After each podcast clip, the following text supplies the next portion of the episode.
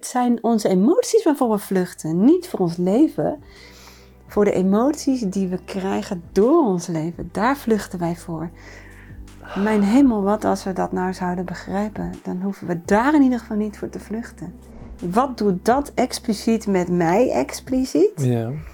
En je gaat dan kijken naar hoe emoties daarop feedbacken. Dan krijg je informatie over wat jij ermee moet. Want dan heb je het stukje te pakken wat jij mee projecteert. Mhm. En op, je, op het moment dat je dat individuele stukje kunt neutraliseren, of zelfs omdraaien, dan wordt dat in ieder geval niet meer geprojecteerd in een oorlog. Of in wat dan ook. Het is cruciaal hoe wij als ouders in onze eigen emoties staan, in hoe we het overbrengen. Dus Ja. wil jij een, een gesprek met je kinderen over de wereld zonder angst, dan zul je zelf eerst uit angst moeten komen. Ja, interessant. Het- Het gaat inderdaad een ervaring door de mind, door de overtuiging heen. Patch gevoel. Ja, en, het, en het, een emotie laat de discrepanties in tussen waar jouw brein niet in lijn is met jouw zijn. Wij raken zo af en toe balans aan, maar het komt, komt zelden voor dat wij langere tijd in balans zijn. Want dat is niet waarvoor wij hier zijn. Wij zijn eigenlijk continu aan het balanceren. En wij gooien ons onderbewust waar vaak uit balans om weer wat te ervaren en om te groeien. Groeien gaat altijd gepaard met disbalans. Dus we streven altijd naar balans. Emoties willen ons altijd in balans brengen. Maar de ervaring zit in de disbalans. Wat je nu omschrijft is exact de sprong die wij te maken hebben terug naar de verbinding met de kracht van onderlinge verbinding. Daarin zie je dat we één zijn.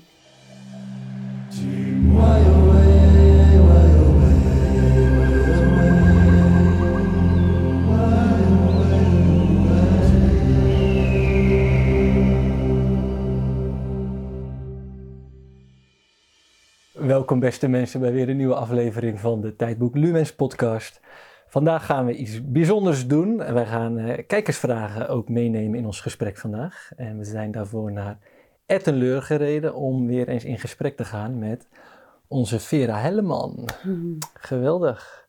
Dankjewel dat wij hier weer mogen zijn. Ja, superleuk je te ontmoeten. Ja, dat Ja. was vorig jaar een te gek gesprek dat we hadden. Ja. Ja, ik kijk er met plezier op terug. Mhm.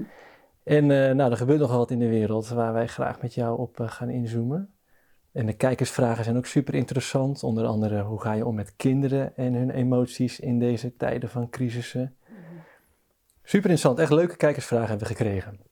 Eh, voordat we erin duiken, ehm, beste mensen, als jullie de video gaan waarderen, waarderen wij het heel erg als jullie een vergoeding willen overmaken. Daar draaien wij op, dat moet ik helaas vragen. Ehm, op onze website tijdboeklumens.nl kun je dat kwijt. Daar kun je ook onze boeken vinden. Tijdboek Lumens 1 en 2 met thema's als eenheid en waarnemen. Binnenkort komt ons nieuwe boek uit, eh, Ontrafelen van magie. Ehm, schrijf je in voor de nieuwsbrief, dan word je op de hoogte gehouden van al dit soort leuke nieuwtjes. En nou, dat was het wel. Laten wij lekker beginnen. Ja, toch? ja, Ja, dit is zo'n ding. Ja, het hoort erbij. En het, het is echt nodig ook om te zeggen. Maar ik voel ook in mij, voel, hè, emotie, je bent de emotiecoach van, doe het niet graag. Nee, liever dat begin ik gewoon lekker gewoon gelijk eh, waarvoor we hier zijn. Ja, beginnen en einden, hè? Dit is zo, Ja. tenminste, dat heb ik altijd. Er is eigenlijk geen begin en geen eind. En dan moet je ineens een begin maken. Ja, Want wij waren natuurlijk al in flow. ja, ja, we kwamen al binnen net. Het was gelijk Ja. gezellig en eh, als van ouds. Ja. en dan ineens, tjoek, oké. Ja, het voelt dan een beetje alsof we een masker of zo op moeten doen. Dat is maar net hoe jij er zelf over denkt. Dat is zo. Ja, Dat is natuurlijk de kern van ons voelen. ja misschien hoe gaan we we het wel... erover eh, denken bepaalt hoe we het voelen. Ja, nou inderdaad. hey, maar voordat wij eh, naar de diepte induiken, ik ben wel benieuwd hoe het met jou gaat.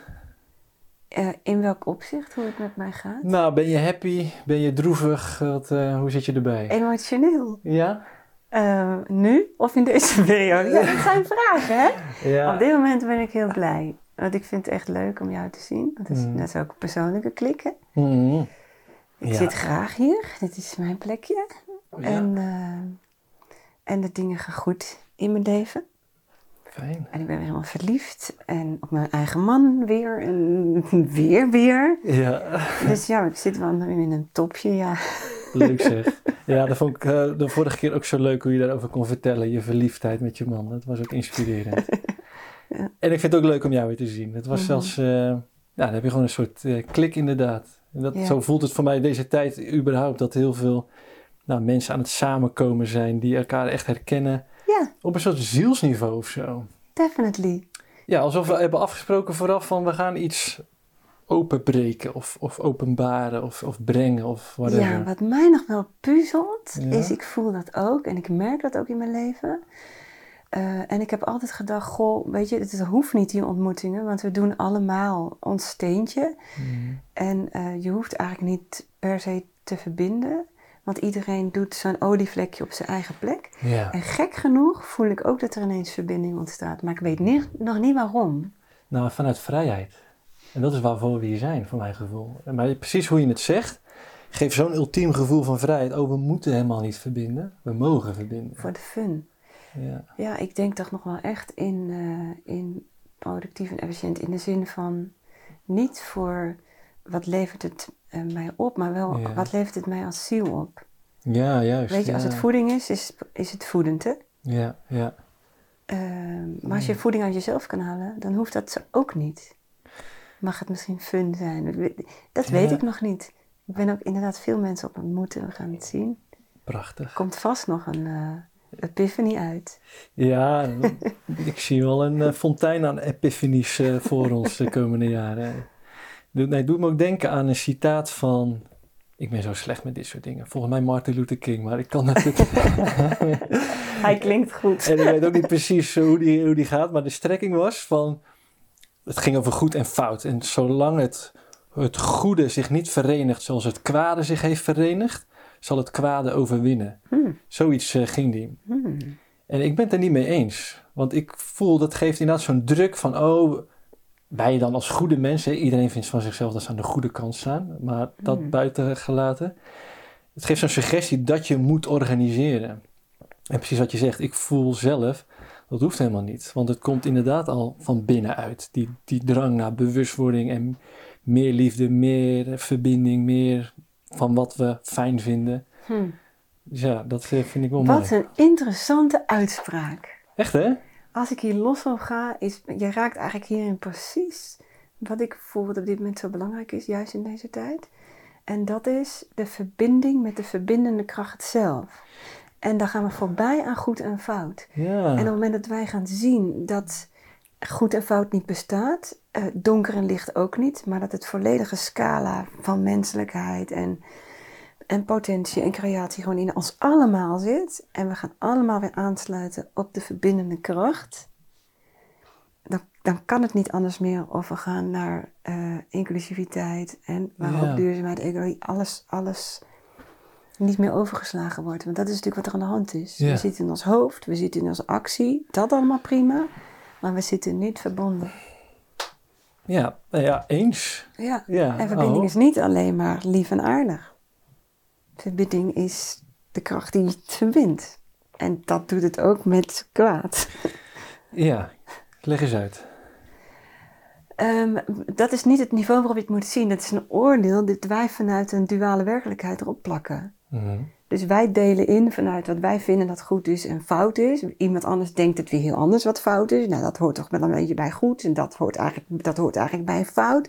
Dat is volstrekt eh, subjectief en, en mens, zeg maar. Mhm. Ehm, maar als je nog fundamenteler kijkt, dan zijn er eigenlijk maar drie principes in de wereld die onderliggend aan alles wat gecreëerd wordt ligt. Ja. En dat is het principe van informatie. Noem het, noem het kennis, noem het het denken. Het principe van de beweging. Noem het de actie, noem het het doen, het, via het lichaam. En dat is het principe van het verbinden. Gerepresenteerd door het voelen. Mhm. En die hebben we er dus uitgelaten. Is die driehoek. Zo Ja. boven, zo beneden. ja. Maar wat hebben we dan nog... Eigenlijk eh, heel religieus. Nou ja, maar dat is ook waar ik zelf enorm in, in thuis kom. Mhm. Dat, er- dat ik ben christelijk opgevoed. Ik begin zoveel dingen te herkennen. Van Ja. zo ergens hadden ze echt wel in de gaten waar Ja. het over ging. Ja, Ja, en dat, dan, dan definitely. vind ik het ook een soort van zonde dat ik toch de baby met badwater heb weggegooid. Mhm. Dus ik ben af en toe weer eens naar de kerk gegaan en alsnog loop ik tegen weerstand aan. Veel dogma. Maar goed, ik denk de, e- de kern, de esoterische kern, dat dat echt eh ja, schat van wijsheid en waarheid te vinden is. Ja.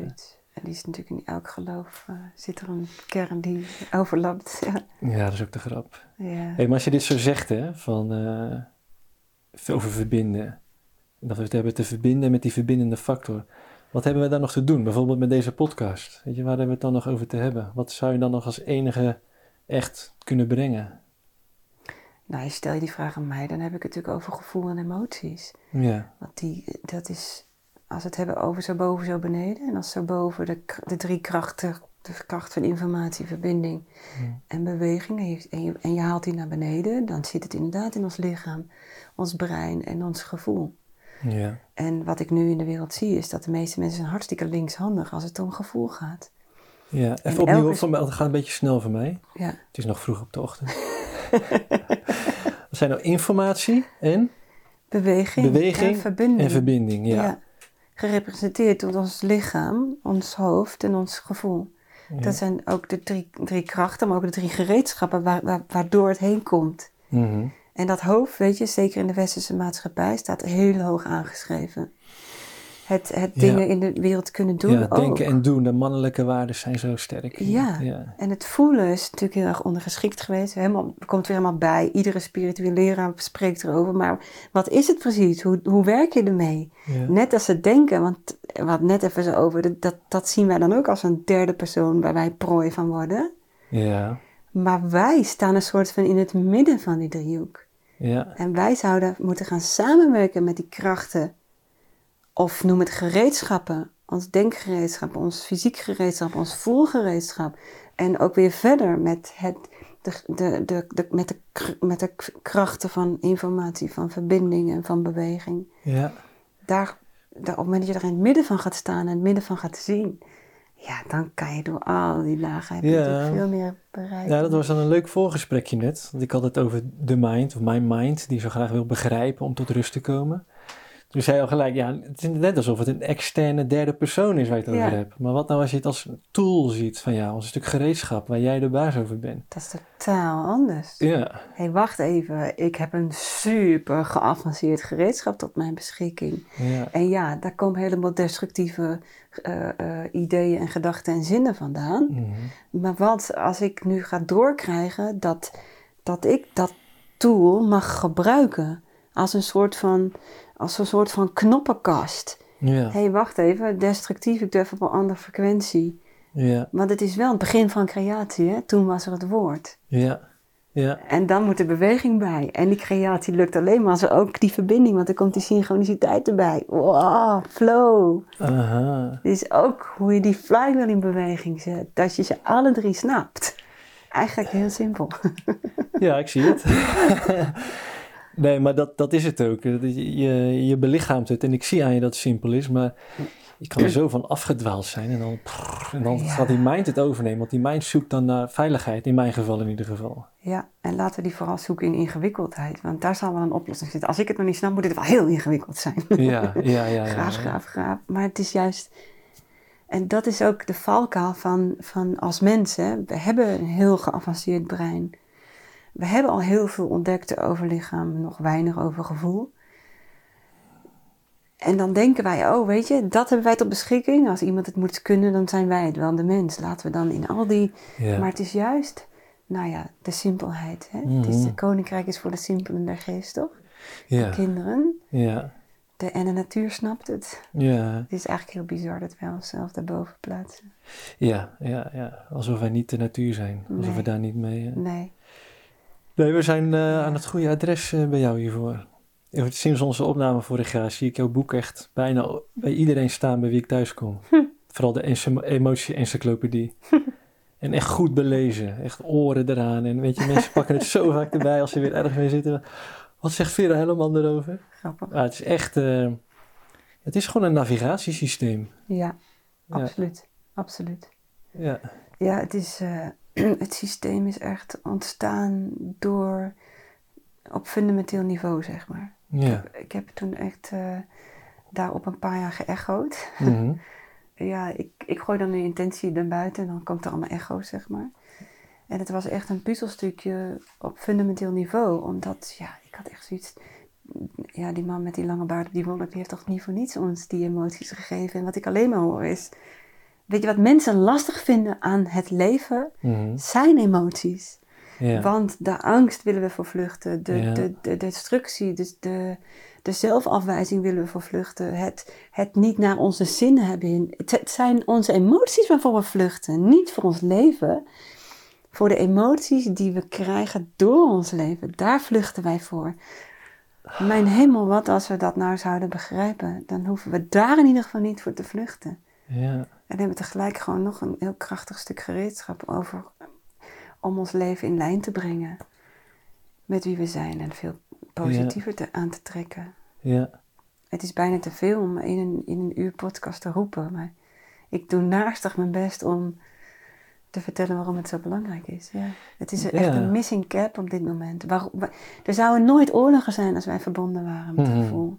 Oh.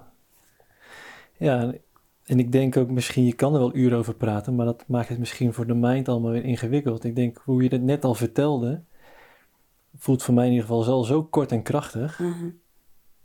Ja, misschien moeten we even een pauze inlassen. Van, ah, lekker hè mensen. Ja, dat gevoel heb ik vaker. Ja, lekker hè, mens zijn. Ja, ja, inderdaad. En gewoon dit moment, mm, lekker hè?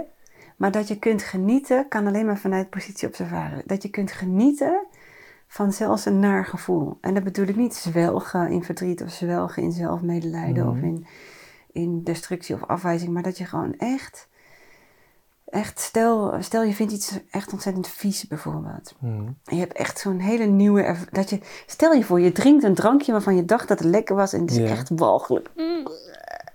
Zo Mhm. dat er in dat moment kan je er niks van vinden.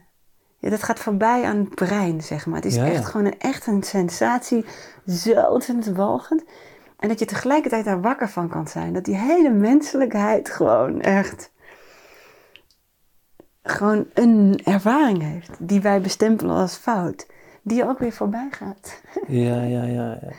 Ja, grappig. Het doet me ook denken aan wat ik zelf laatst heb gerealiseerd. Maar misschien is het weer een verhaaltje. Nou, dat moet jij maar eh, Uh-huh. duiden dan. Maar ik had nou, tot voor kort eigenlijk altijd de behoefte om alles wat ik fijn vind direct tot mijn beschikking te hebben. Ja. Super destructief eigenlijk kom ik achter. Want van alles moet ik dan direct, eh, alsof ik echt de, in de controle ben. Hm. En nu kan ik daar veel meer in berusten van de wetenschap dat het überhaupt bestaat. Mhm. En het is op mijn pad gekomen. En het zou raar zijn als het niet meer op mijn pad gaat komen. En ik kan er juist van genieten, de schoonheid als het zich ontvouwt in puurheid. Ja. En dat het op dat moment zich wil aandienen. En dan is het zo'n laag dieper nog zoveel mooier en veel puurder. En dan denk ik zo. En dat is een soort proces, want daarna denk ik weer, zo, maar hier wil ik wel beschikking over houden. Hier wil ik meer van. ja, dus dat is een beetje een, Wat ook prima is, hè? want dat is natuurlijk, dat noemen wij ook emotiegroep vreugde. Dat is juist het pad dat we willen gaan volgen. ja, Dus het mens is wel geprogrammeerd met eh, weg van pijn eh, richting fijn. Hmm. En dat, is, dat zijn natuurlijk ook emoties. ja, En dat is niet voor niets dat we naar fijn willen en weg van pijn. ja, En als je hem op instinctief niveau kijkt, is het natuurlijk heel logisch. Want eh, het is waarschijnlijk ook niet goed. Ongezonde dingen die voor ons giftig zijn, smaken Mhm. vies, snap je? Hmm. En dingen Ja. die fijn zijn, die hebben veel meer betrekking op hey, waar we naartoe moeten en wat we te doen hebben. ja. Dus het klopt wel, het is oké. Die Ja. hoef je niet te veroordelen. Nee, nee, mooi. Nou, hé, en dan eh, laten we maar eens naar de hamvraag gaan. Dit was al gelijk een prachtige intro. Ja, we moeten nu handen en voeten geven, hè? Want mensen denken, wat de fuck, wat bedoel je? Ja, En ja, Hoe dit dan, is- hoe dan? Dit klinkt tot nu toe allemaal ja, heel easy peasy en eh zo, geur, maneschijn. Nou, gaan we doen. Maar ehm, nou ja, wij voelden ook met ons team wel ook de, de, de roep van, weet je, er is zoveel gaande in de wereld. Echt Ja. crisissen, oorlogen en nou, de NOS die vol staat van ellende. En, en terecht dat het aandacht krijgt, want eh, natuurlijk, weet je, het- er gebeuren erge dingen. Maar het doet zoveel. Weet je? Ehm, beelden van een kind wat in shock is. Of, eh, nou ja, ik wil het niet eens allemaal herhalen, maar we zien gewoon, het, het, de mensen, wij, weet je, het doet wat, het raakt ons. Ja, en wat, wat kunnen we ermee? Weet je, moeten we er iets mee? Moeten we naar buiten leunen? Of, eh, nou, het is een navigatiesysteem. Ja, lange vraag, maar Nou ja, kunnen we ik denk wel dat hier belangrijk te zeggen is, je zegt het doet iets, het doet, het doet wat met wie. ja, Want weet je, wij zijn 8 biljoen verschillende mensen en wij kunnen niet de hele wereld redden. Dat is Ja. ook helemaal niet de bedoeling. En inderdaad, hoe meer je in die drek gaat, hoe meer je ook drek aandacht geeft en bijdraagt aan drek. Mhm. Dus wie moet wat, hoe? Mhm. Hè, dus als je, en daar zit, daar zit de crux, zeg maar. Dus als je zegt het doet wat, zou ik dus vragen, wat doet het met jou?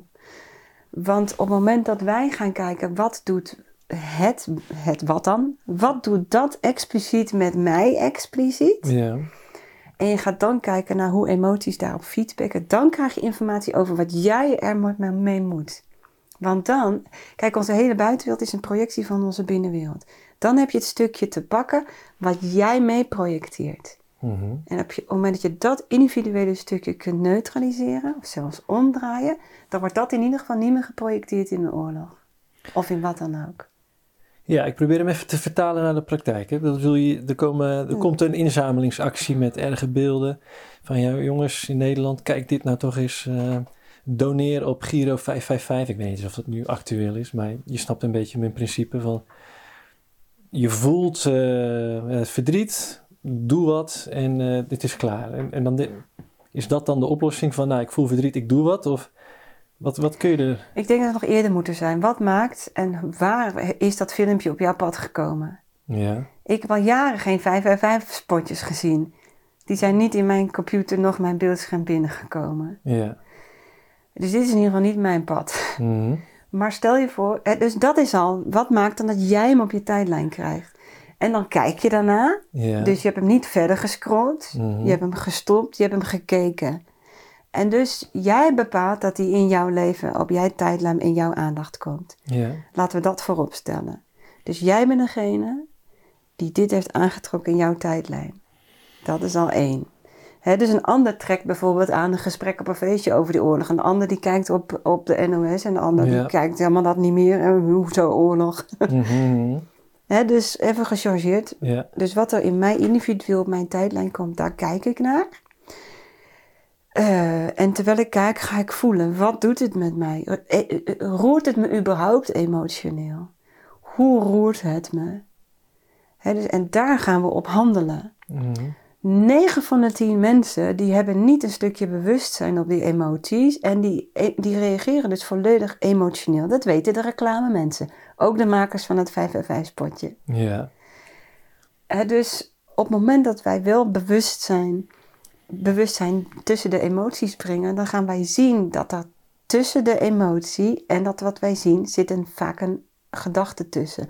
Wij vinden iets van wat we zien. Mhm. Wij vinden dat heel erg. Het zou anders moeten. Kon ik maar iets doen? Ja, Dat zijn allemaal nog gedachten, overtuigingen die ertussen gaan. En daarop krijgen wij de, de gevoel, ik wil iets doen. Ik maak geld over. ja, ja, ja, precies. Ja, Actie. of, of ze vinden het irritant, of ze gaan wijzen naar, ze moeten gewoon geen wapens meer leveren, daar ga ik me voor inzetten. Of, dus het is, het is ook weer heel erg individueel wat we ervan vinden. Mhm. Ja, dus, dus wij kunnen niet vertellen, dit moet je doen. El- elk mens, waar dan ook op de wereld, heeft zijn eigen stukje te doen hierin. Juist. Dus wat doet wat met jou? En jij kunt het alleen maar voor jezelf bepalen en goed invoelen. Ja, en dan als je een stukje bewustzijn brengt, dan is het: hey, heb ik hier een bepaald eh, eh, gedachte over gehad? Eh, is, dit, is dit een persoonlijke trigger die hier gebeurt? En heb ik hier een trigger in mezelf op te lossen? Voel ik me hier gewoon ontzettend verbonden met het collectief en heb ik het gevoel dat ik gewoon alleen maar wil helpen, ga ik dat doen? Maar op welke manier past dat helpen bij mij? Ja, Op welke manier kan ik helpen in mijn macht, omdat dit is wie ik ben? Eigenlijk kortom kom je toch weer terug op eh, wie ben je, waar ben je voor en wat, welke ingrediënten komen er in jouw script voorbij waar je op mag reageren. ja. En dan wordt de oorlog ineens wel weer van ons, maar op een hele andere manier. Ja. Ja. En wat kun je doen om eh, niet direct in die emotie mee te gaan en te doneren en denken dat het dan klaar is, maar dat, dat je... Dat je schuld afkoopt of zo. Nu Ja, ja, ja, maar wat kun je doen om er echt eh, mee naar je eigen binnenwereld te navigeren? Nou, dat komt één, één... Kijk, we hebben het net gehad over het denkgereedschap. Hè? Die kunnen wij redelijk, nou ja, ook niet eens redelijk mee omgaan. Want we denken nog steeds dat die voor over ons is. Maar stel, dat kennen we aardig, hè? Het voelen, stap 1 is bij het voelen blijven. Dus, dus überhaupt gewaar worden van wat je voelt. En dat is al, dat is bij ons training A1. Mhm. Hoe leer je gewaar zijn van je voelgereedschap? Ja. En dat, is, dat, dat begint dan met de intentie om, het, om daar überhaupt ehm, iets mee te kunnen en naar te willen kijken. Mhm. Want het gros van de mensen zegt ook onhandig, ik moet functioneren, ik ga door. Ja. Dus überhaupt de intentie, oké, dit wil ik leren. Dit is dus een gereedschap wat heel veel kan, wat ik nog niet optimaal benut heb. Oké, dat is stap 1. Ik, ik wil graag daarvan bewust worden. Oké, dan ga ik even met mijn binnenogen naar binnen. Want het voelend gereedschap is anders dan het denkend gereedschap en het fysieke gereedschap. Mhm. Het fysiek, weet je, dat kan bewegen en dat voelt een soort van tactiele, Ja. motorisch. Het denkgereedschap, dat komt in plaatjes of in gedachten of in zinnetjes of in plof, plof, plof, plof. Het voelen is veel meer een soort van golf. Ja. Golf, oké, dus, dus, dus je moet je, je gewaarzijn afstemmen op de frequentie van waar die golven zich bevinden. En dat zijn weer andere frequenties als het denken en het fysieke. Ja. Oké, dus ik moet me ge- ge- gewaarzijn afstemmen op die golvende, golvende bewegingen. Oké. En dan is het emoties leren. Nou, ik, ik heb ze dus verdeeld in acht emotiegroepen, ook om het je makkelijker te maken. Ja. Want die bewegen allemaal anders. Hm. Hoe beweegt angst? Mhm. Hoe beweegt schaamte? Hoe beweegt vreugde? Ja. Hoe beweegt liefde? Dat moeten we allemaal gaan ontdekken. En dan mogen we gaan ontdekken wat het betekent. Ja. Dan word je er steeds bekwamer in. Ja, want het is, er gebeurt iets in de wereld. Wij vinden er iets van. We krijgen een emotie bij. En daardoor worden we gedreven. Mhm. Dit is weer die drie cyclus van die drie krachten. Informatie, verbinding, actie. Ja. Het is onderdeel van hoe wij ons hele leven vormgeven, hoe wij het leven vormgeven, hoe wij de maatschappij vormgeven, hoe wij het laten gebeuren dat er oorlogen komen. Ja. Ja. Ja, het is kiem. Ja, nou, daar zeg je wat. Ik zit het nu bij mezelf in te voelen. En ja, ik had opvallend veel afstand van genomen. Even de oorlog in Israël dan specifiek. Ja, Ehm, en ik heb me hier nog helemaal niet over uitgesproken, ook niet, want die- er wordt al zoveel over geroepen. Maar als ik over mijn, mijn eigen gevoel zit in te voelen, dan kom ik eigenlijk uit op een enorme boosheid op het verleden. En, en dat nu, dat dit de gevolgen zijn van nalatigheid uit het verleden. Mhm. En dat ik nu vooral ook kijk van, ja, waar zijn wij nu dan nalatig in? Waar zadelen we onze toekomst mee op? Dit is echt een soort proces. En dan kunnen we nu wel, wel symptomen gaan schieten. En, weet je, maar de oorsprong ligt zoveel dieper. Eigenlijk met alles. Eigenlijk kun je gewoon nooit echt aan symptoombestrijding doen. En prachtig, ja. nou ja, ik, ik voel daar dus echt. Het is wel gek dat ik nou nu weer dan. Want dit heb ik niet eerder zo gevoeld. Dat ik, want ik heb het van me afgehouden. Meer zo veroordelend. Van je, alsof het hun eigen schuld is wat daar gebeurt. Mhm. En dan los van de kampen, hè, maar van ja, hè, hè, wat, wat denk je nou? Beetje zo'n zo'n veroordelend gevoel van.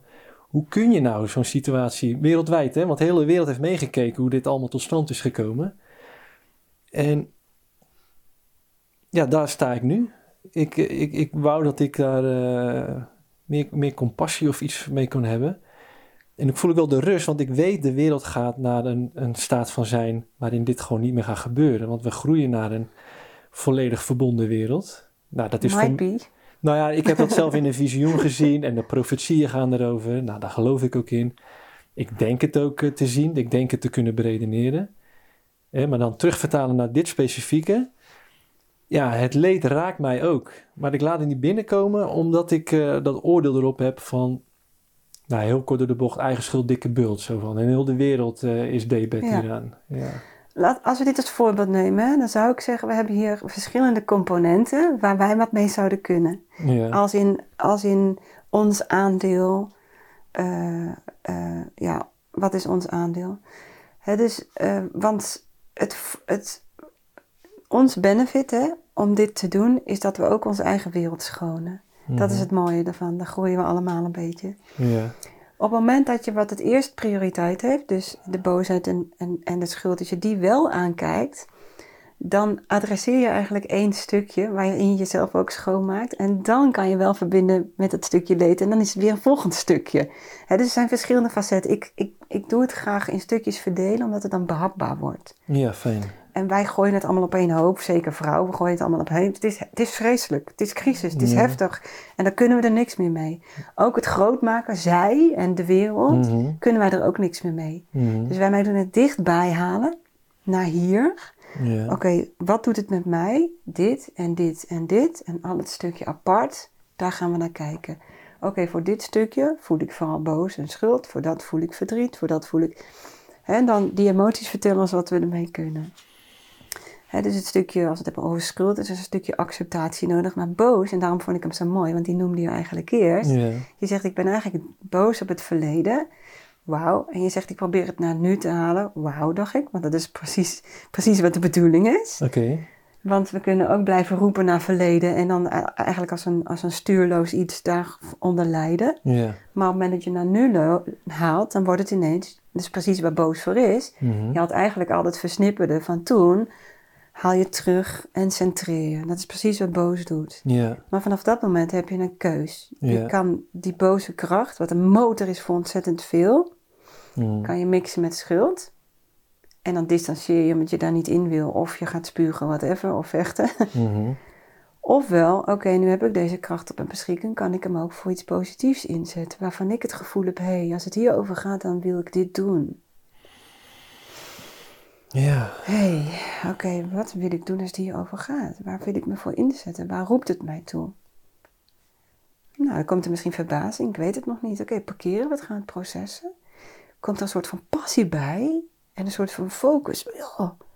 Weet je, dan gaan wij een stap zetten. En zo hebben we hem klein gemaakt, we hebben hem naar hier gemaakt en we hebben hem persoonlijk gemaakt. Ja. Mooi. Ja, Ja, als ik dat ook altijd doe, dat is misschien ook wel vaak, nou, vaak meer in de lach. Omdat ik kom telkens weer thuis in wat ik doe, wat ik doe. ja, En dat vind ik dan wel weer heel mooi telkens. Maar ik zit net ook door te voelen op wat ik net allemaal zat te vertellen. Ook vanuit een emotie deels, dat kon je misschien wel voelen. ja, Maar ook die nalatigheid van ja, we hebben machten achter de machten over het hoofd gezien. En we zijn goed gelovig geweest. En als ik daarop verder te voelen van ja, maar dat heeft ook een functie. En dan kom ik weer zo uiteindelijk thuis in de eenheid. En dat we daarin te groeien hebben met, als bewustzijn. En dan kom ik weer thuis met wel, wat doe ik nu in mijn leven?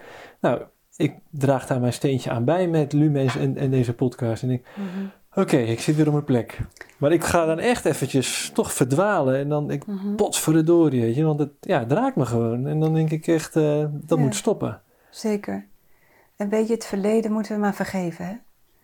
Ja, Want daar kunnen we niks mee. Nee. En in die zin, de- toen was de tijdsgeest ook heel anders, want we Ja. sliepen ook allemaal. ja, En het Ja. is alsof het dus een soort van, het is alsof het bewustzijn, wij als bewustzijn, ja, op dit moment aan het beslissen zijn dat de spelregels veranderen ja, en aan het veranderen zijn. Dus dat we het helezelfde spelletje van manifestatie, wat we eerder onbewust deden, eh, onbewust eh, concluderen, onbewust emotie, onbewust daar vanuit een actie, dat daar nu ineens bewustzijn op komt. ja, En dat is ook, en dat is het spel van nu. Daarom is het zo interessant. Mm. Het, het spel van nu is dat het bewustzijn zich bewust gaat worden van zichzelf.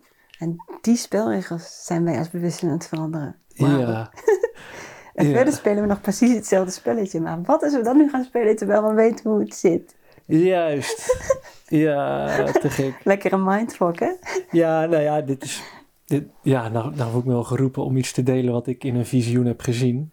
En daar mogen mensen van vinden wat ze willen. Maar ik blijf die roep voelen om dat te blijven delen. Maar ik heb gezien dat mensen die eenheid hebben gezien, echt het hele bestaan, echt, zeg maar, echt helemaal geland zijn in nou, alles, of hoe je het wil noemen. En vanuit die belichaming nou, zijn gaan infiltreren in de aardse duale systemen om het van binnenuit ook op te blazen. Mhm. En ik zie het gebeuren met mijn eigen ogen. En ik Mhm. weet niet precies wie. Dat is dan een soort gedachtenspelletje wat ik doe. Zou die dan toch verlicht zijn stiekem, terwijl die totaal een rol speelt alsof het een tiran is? super glad ijs natuurlijk. Want voor hetzelfde geld Ja. is het gewoon iemand met een super kwaaie evil spirit die helemaal verdwaald is. Ja. Maar goed, ik voel dat wel wat je zegt, ja. Ja. Ja, En daar met name, en dan kom ik weer helemaal terug naar de, naar de aardse werkelijkheid, is het zo belangrijk dat wij gevoelens wel gaan omarmen. ja, En gaan doorzien dat het een gereedschap is. Want dat is wel de weg om eh, in verbinding te komen met de wet van onderlinge verbinding. ja, En alleen daar kunnen we een soort van collectieve Ja. evolutie maken. Ja. ja. Ja, zolang dingen genegeerd worden of weggestopt worden of er niet bij horen. Blijf je in de afscheiding zitten. Ja. Ja, En ja, dan is dat eh, mentaal doen en dat is niet inclusief. ja, dan ben je intern al gefragmenteerd. Ja. En niet verbonden met jezelf. Hoe kun je dan überhaupt met een ander verbinden? Ja. Ja. Te gek. Zullen wij eens naar een kijkersvraag eh, gaan? Ik ben benieuwd. Ja, want we hadden het net over de oorlog eh, en, en dingen. En, en er kwam een vraag binnen. Ik vind het wel leuk om dan ook de naam er even bij te noemen. Het ging dus over de kinderen. Deze is van eh, Lenneke. Zij is eh, moeder en leerkracht in het basisonderwijs. En zij vraagt, eh, we hebben dus via Instagram dit ingezameld. En we hebben een aantal mooie vragen nu op een rijtje gezet. Mhm. Hoe kun je het beste reageren op vragen van jonge kinderen over bijvoorbeeld wat er gaande is met betrekking tot het klimaat, oorlog en dergelijke? Hoe laat je liefde boven angst staan als je zelf ook niet weet of het goed komt? Goed, tussen haakjes heeft ze gezet. Lieve groet Lenneke. Ja, dit klinkt als een vraag. Hoe ga ik om met mijn eigen angst in interactie met mijn kinderen? Ja, ja er zitten even dubbele lagen. Ja. ja. Ehm, weet je, een van de sleutels om. Kijk, als het over angst gaat, gaat het altijd over. Stel je voor dat als straks dat gebeurt. Mhm. Dus op het moment dat jij uit straks kan blijven, of jouw ideeën of, of angst over straks, en je brengt hem naar het hier en nu, kan je veel meer zonder emotie dit vertellen. ja. Kijk, op dit moment is het zo. Moet je, prachtig, moet je kijken hoe prachtig de natuur is buiten. Moet je kijken wat het allemaal wil doen voor ons en hoe wij in massa ermee omgaan. Gaan wij überhaupt met natuur om? Of zitten wij alleen in blokken huizen? Eh, Dus, dus het is, kijk, op het moment dat je alleen maar vanuit angst, je eigen angst spreekt, kun je alleen maar je angst vertellen uit je, aan je kinderen. Ja, ja. Op het moment dat je vanuit een open mind spreekt naar je kinderen, vertel je hun, doe je mind open. Ja, dus het is cruciaal hoe wij als ouders in onze eigen emoties staan, in hoe we het overbrengen. Dus op het moment dat jij angst voelt en je gaat een gesprek aan met je kinderen, dan, dan hoe je het gesprek ook keert, wat je ook vertelt, daar ga ik je geen informatie, op- daar ga ik geen advies over geven, maar je zal de angst daarin laten doorschemeren. Dus Ja. wil je een, gesprek met je kinderen over de wereld zonder angst, dan zul je zelf eerst uit angst moeten komen. ja, ja. En dat betekent naar het hier en nu halen, naar jou halen, wat kan ik doen? Ja. Ja. Ja. Ja, ik, ik zie al ouders ook wel andere oplossingen kiezen door een sprookje hoog te houden. Mhm. En dat zie ik op allerlei lagen gebeuren. Laatst vertelde een vriend ook dat een kennis van hem, super, super rijk, echt multi-multimiljonair, die hadden hun kinderen nooit verteld dat zij abnormaal rijk waren. Dus toen hun zoontje, geloof ik, een jaar of 16 werd, werd hij daar in één klap ineens bewust van. Die is toen helemaal ontspoord. Weet je? En dat, Interessant. weer een heel ander voorbeeld van kinderen niet voor de gek houden. Ja. Dus hè, als je zelf geen angst hebt, eh, of als je zelf angst hebt en je wilt toch met je kinderen praten, ja, misschien is het ook een optie om daar gewoon eerlijk over te zijn. Van, ja, ik vind zelf naar kinderen toe, eh, alles wat wij vertellen Mhm. op inhoudniveau, dat containt ze. Dat zet ze vast in een idee. ja, En wat zo mooi is aan kinderen, en wat zo mooi is in, wat het beginsel is van het scheppen van een nieuwe wereld, is een open mind, een onderzoekende geest. Want alle creatie begint met focus. ja, met informatie, met, met eh, ideeën. Toen was er het woord. Daar is wat creatie mee begint. ja, Dus wat is er mooier dan in plaats van een verhaal te vertellen, het kind te laten onderzoeken. Dus ik heb geen idee hoe dit zit. Zullen we het samen onderzoeken? Mhm. Hoe denk jij dat het zit? Dus, de, dus ik praat met mijn kinderen graag vanuit de vragen. Mhm. mooi. Hoe, hoe denk jij daarover? En laten we er een tafelgesprek van maken. Die denkt er zo over, die denkt er zo over. Goh, misschien is er nog wel een invalshoek om ernaar te kijken. En dat is wat je het best je kind kan geven. En wat ze van nature hebben. Ze zijn nieuwsgierig. Nieuwsgierigheid en angst kan niet tegelijk. Mm. Ja, mooi.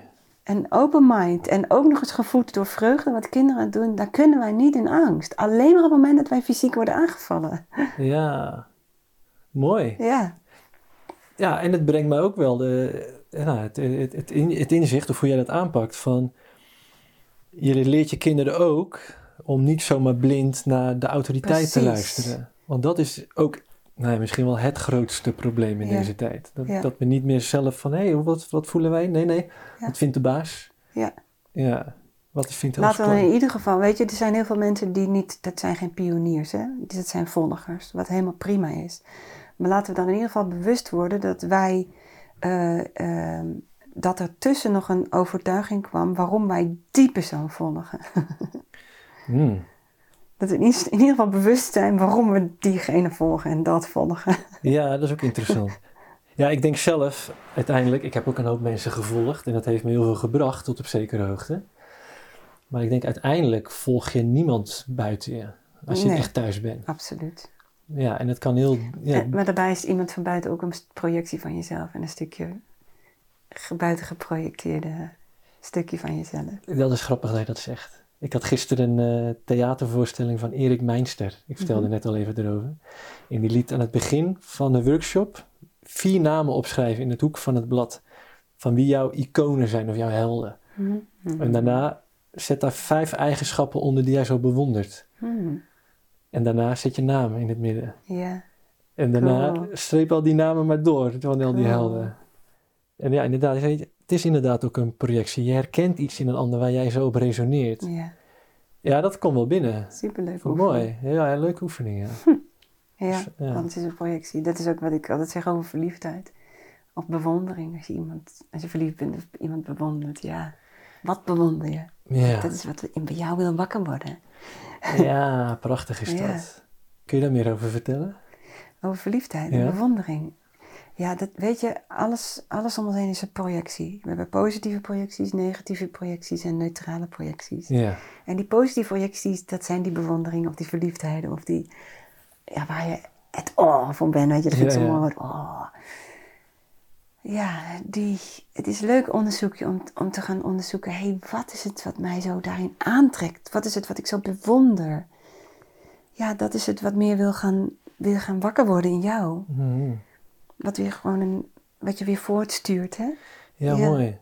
Ja, want verliefdheid kan soms ook een beetje een ongezonde fixatie geven naar buiten Ja, toe. leg het buiten en dan wordt het een soort van die ander wordt verantwoordelijk voor mijn geluk, want die geeft het mij. Maar Juist, Voor mij is alles één, alles, alles zijn allemaal deelkopietjes. ja.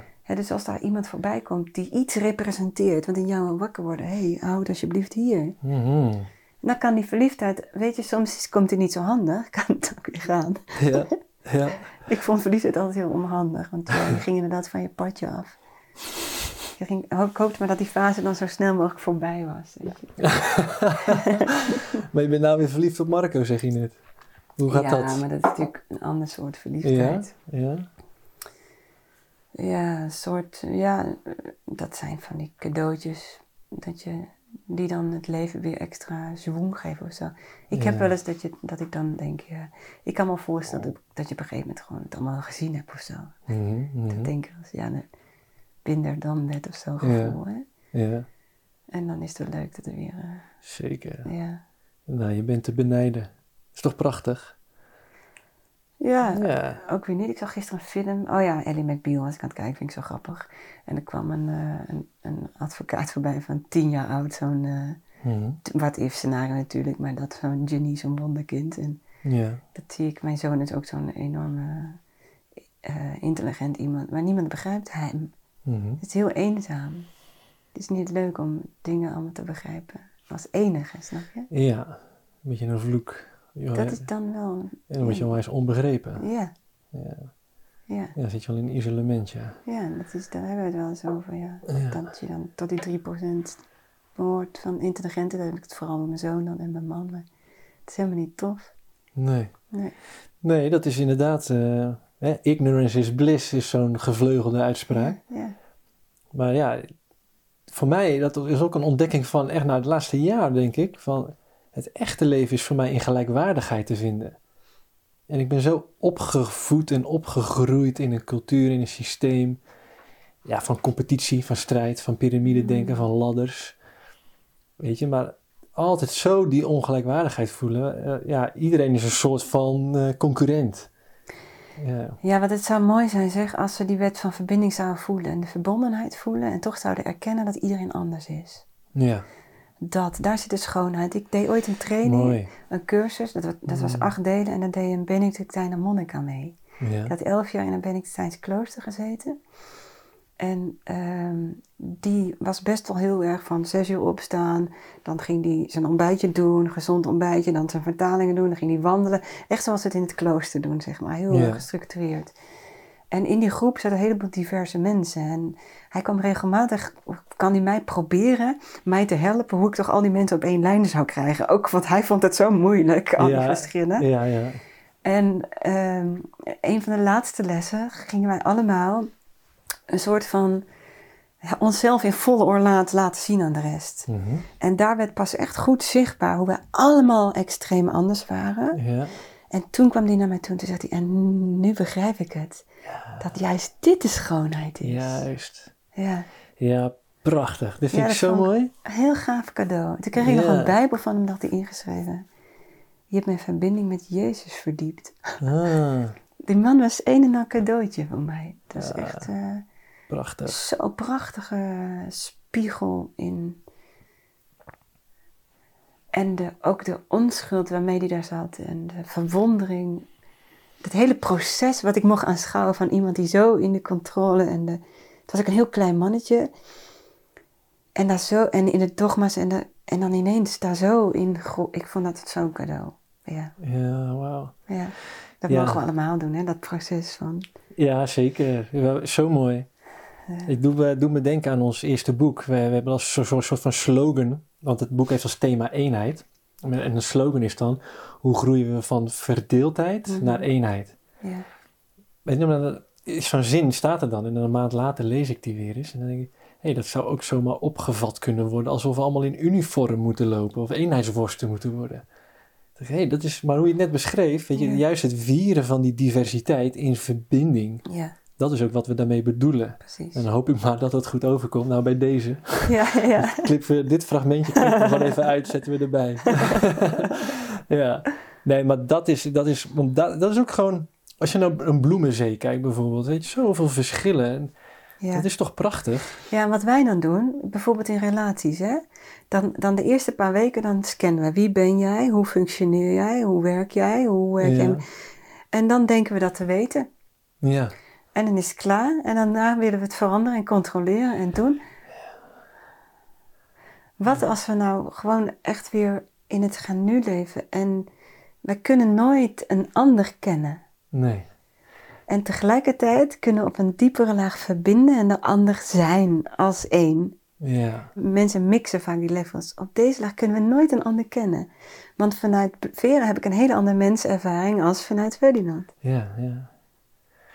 Ja, prachtig. Ja, je Dan is het toch gaaf dat je zo naar je partner kijkt. Hé, hey, wie ben jij vandaag? Ja, ja.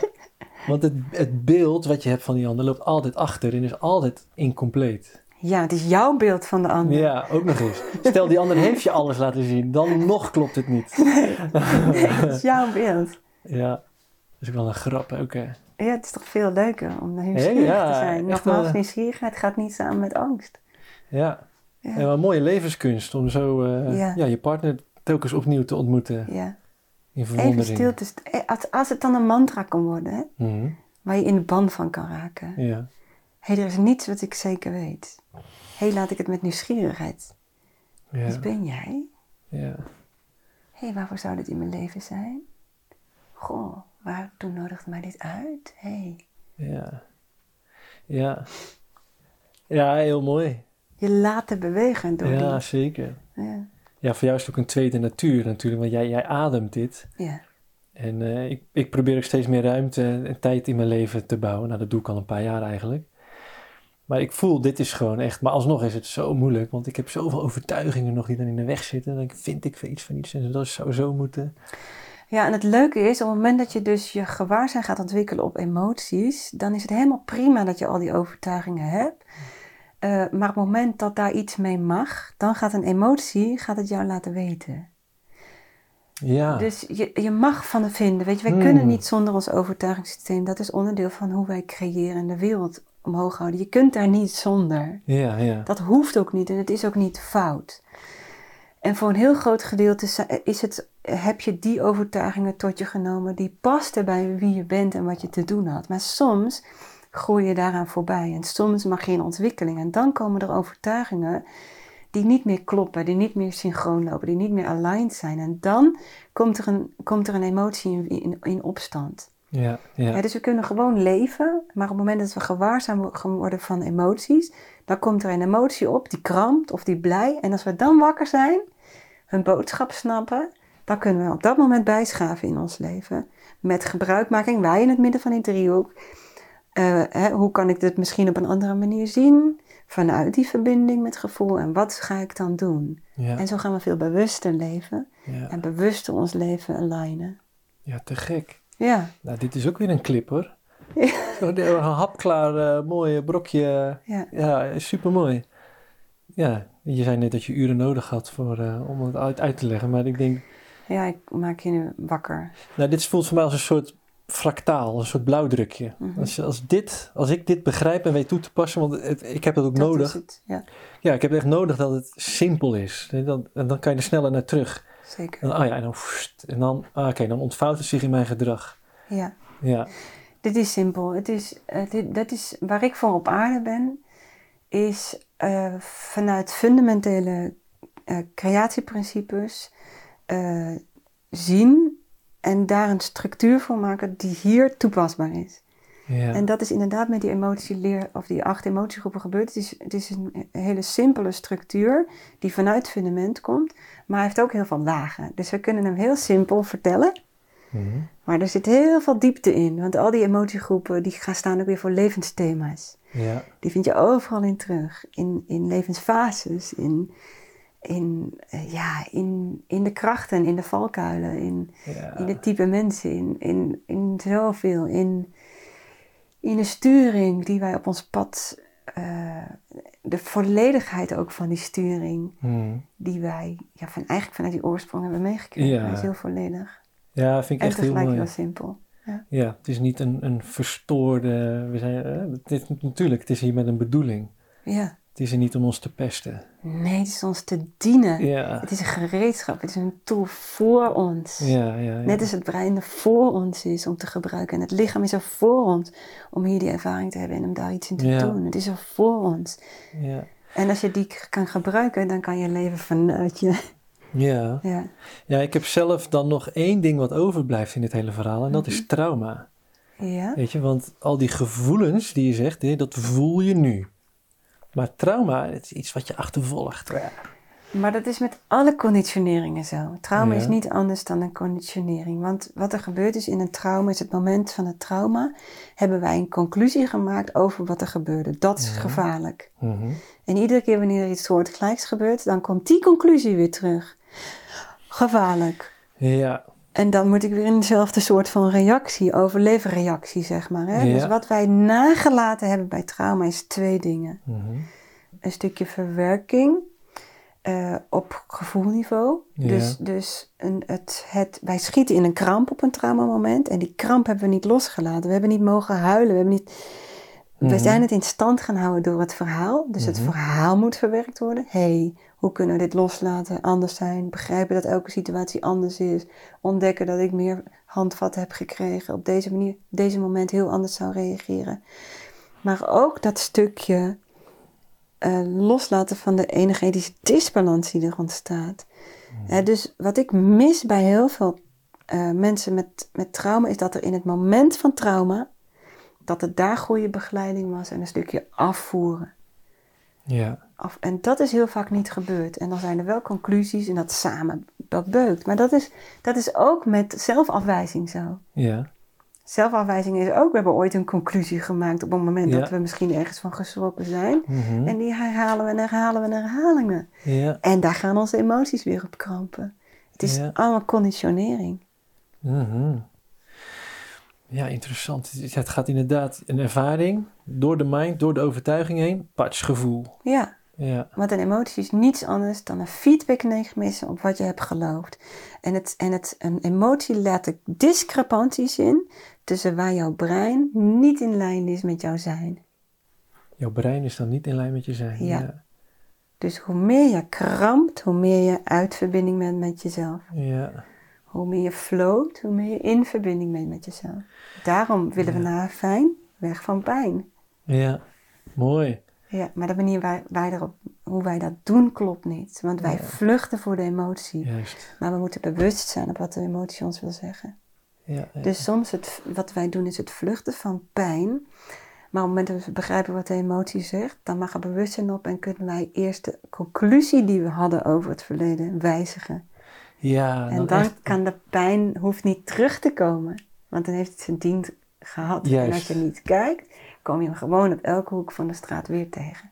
Het heeft zijn doel gediend. Dus echt, als je dat dan voelt, ik noemde net gevoel, maar het is een emotie natuurlijk. Ja, gevoel is eigenlijk iets anders. Ja, dat Ik is je waarneming.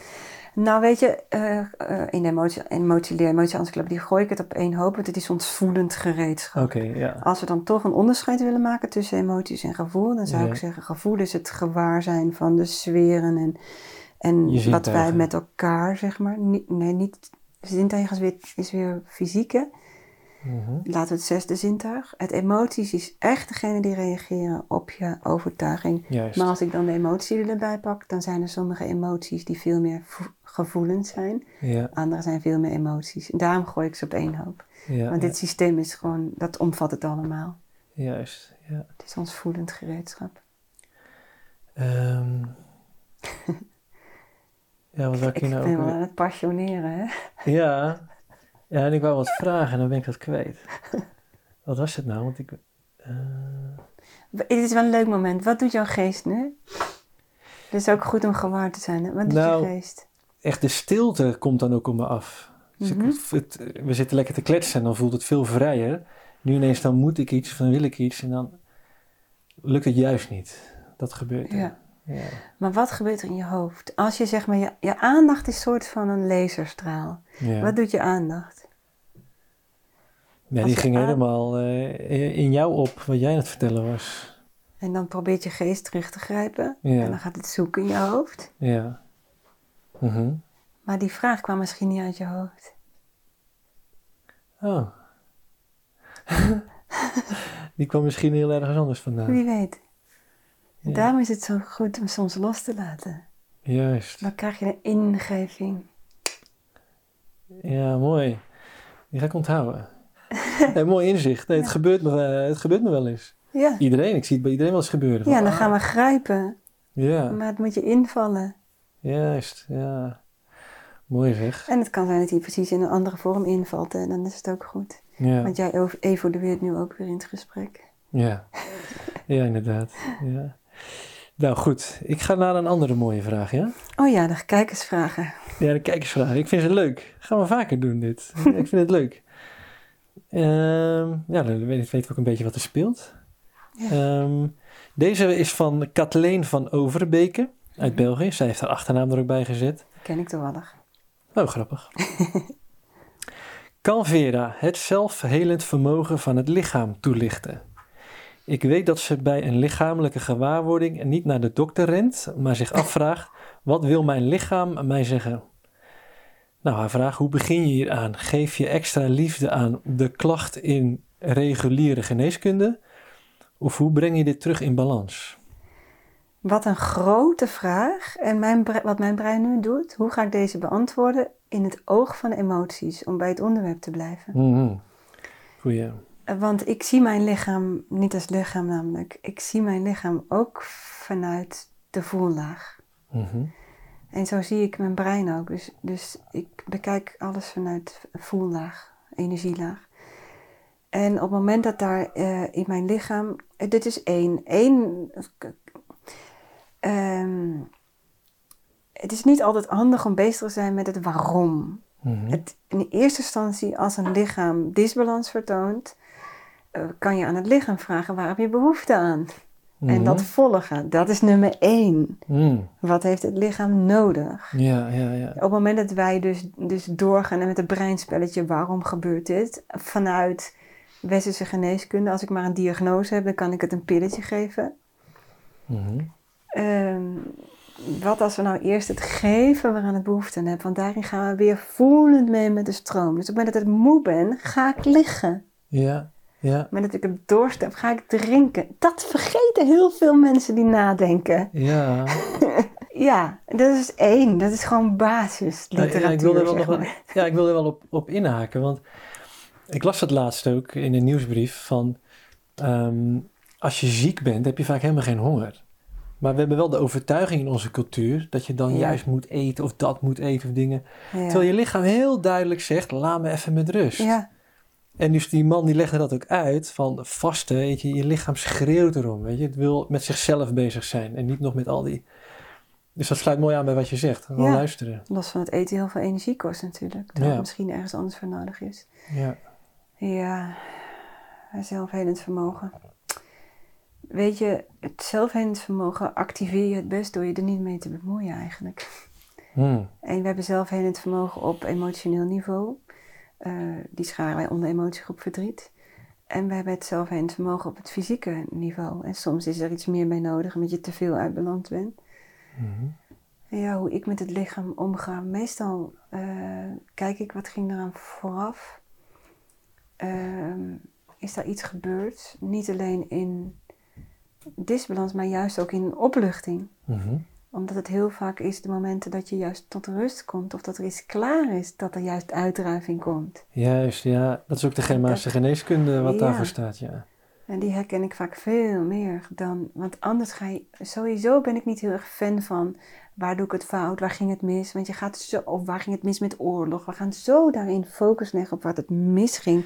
Dat Ja. we allemaal maar in die drek gaan. En Mhm. alles, nou ja. Dus ik ben, ben altijd. Kijk ik naar. Wat is de weg van de meeste ruimte? ja. Wat is de weg van de ontspanning? Wat is, waar zit er beweging?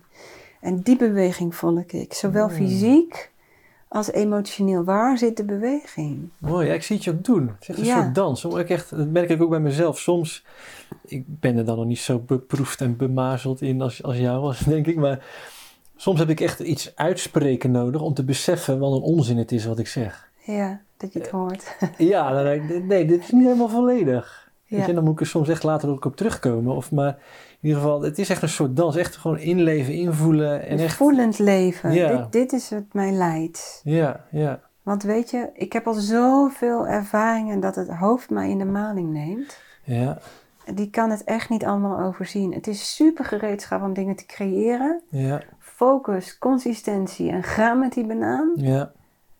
Maar er is zoveel ruis. Mhm. Eh, Dus dat voelend leven, wat is de weg van Ja. de, niet de minste weerstand, wat is de weg van de meeste ruimte? De meeste ontspanning. Zit daar ook je intuïtie? Zeker. Juist. Ja, en intuïtie, om niet verkeerd begrijpen, is niet altijd ik weet waarom. Uh-huh. Dat wist ik intuïtief. Mhm. Maar intuïtie komt natuurlijk ook vanuit die lagen. Dit is het. Voelend wijst Ja. de meeste ruimte. Dat brengt, levert zoveel op. Ja, dit zijn de grote wetenschappers der aarde ook. eh, Nikola Tesla en Albert ja, Einstein. Tesla natuurlijk ook. En echt, weet je, de kracht van de intuïtie, weet je, dat doet mij de kracht van mijn denkende geest verbleken. Is echt inferieur. En, en eh, ja, en ik ga je gelijk weer corrigeren, want eh, het denkende geest is ook een gereedschap. Mhm. En alle drie zijn ze even geavanceerd op hun eigen manier en even belangrijk en even waardevol. Mooi. Ja. Het geest is niet inferieur. Het is gelijkwaardig, interessant, eh, super geavanceerd gereedschap als het lichaam en het voelen. Ja. Het heeft alleen een andere functie. Dus we moeten het gebruiken voor de functie waarvoor het bedoeld is. prachtig. Kijk, nou dit vind ik dus ook zo leuk van deze tijd. Hè? We kunnen heel veel ancient wisdoms en oude wijsheden. eh, Van echt alle respect voor al die mensen uit het verleden. Maar we hebben echt zelf het nieuwe te creëren. En te integreren. Ja, Ja, het, het echt eh, bijna zou ik zeggen ervaringsgewijs ontdekken. ja, ja. het is ja. niet alleen maar snappen, het is Nee. ook doen en ook voelen. ja. Nee, maar dat zie je soms zelfs voorbij komen van, oh, de esoterische Kataren of zo, en dat is het, of zus of zo. Nee, nee, het is allemaal inspiratie. Weet? Ja, het is tegelijk allemaal nu. Hè? Hoe bedoel je?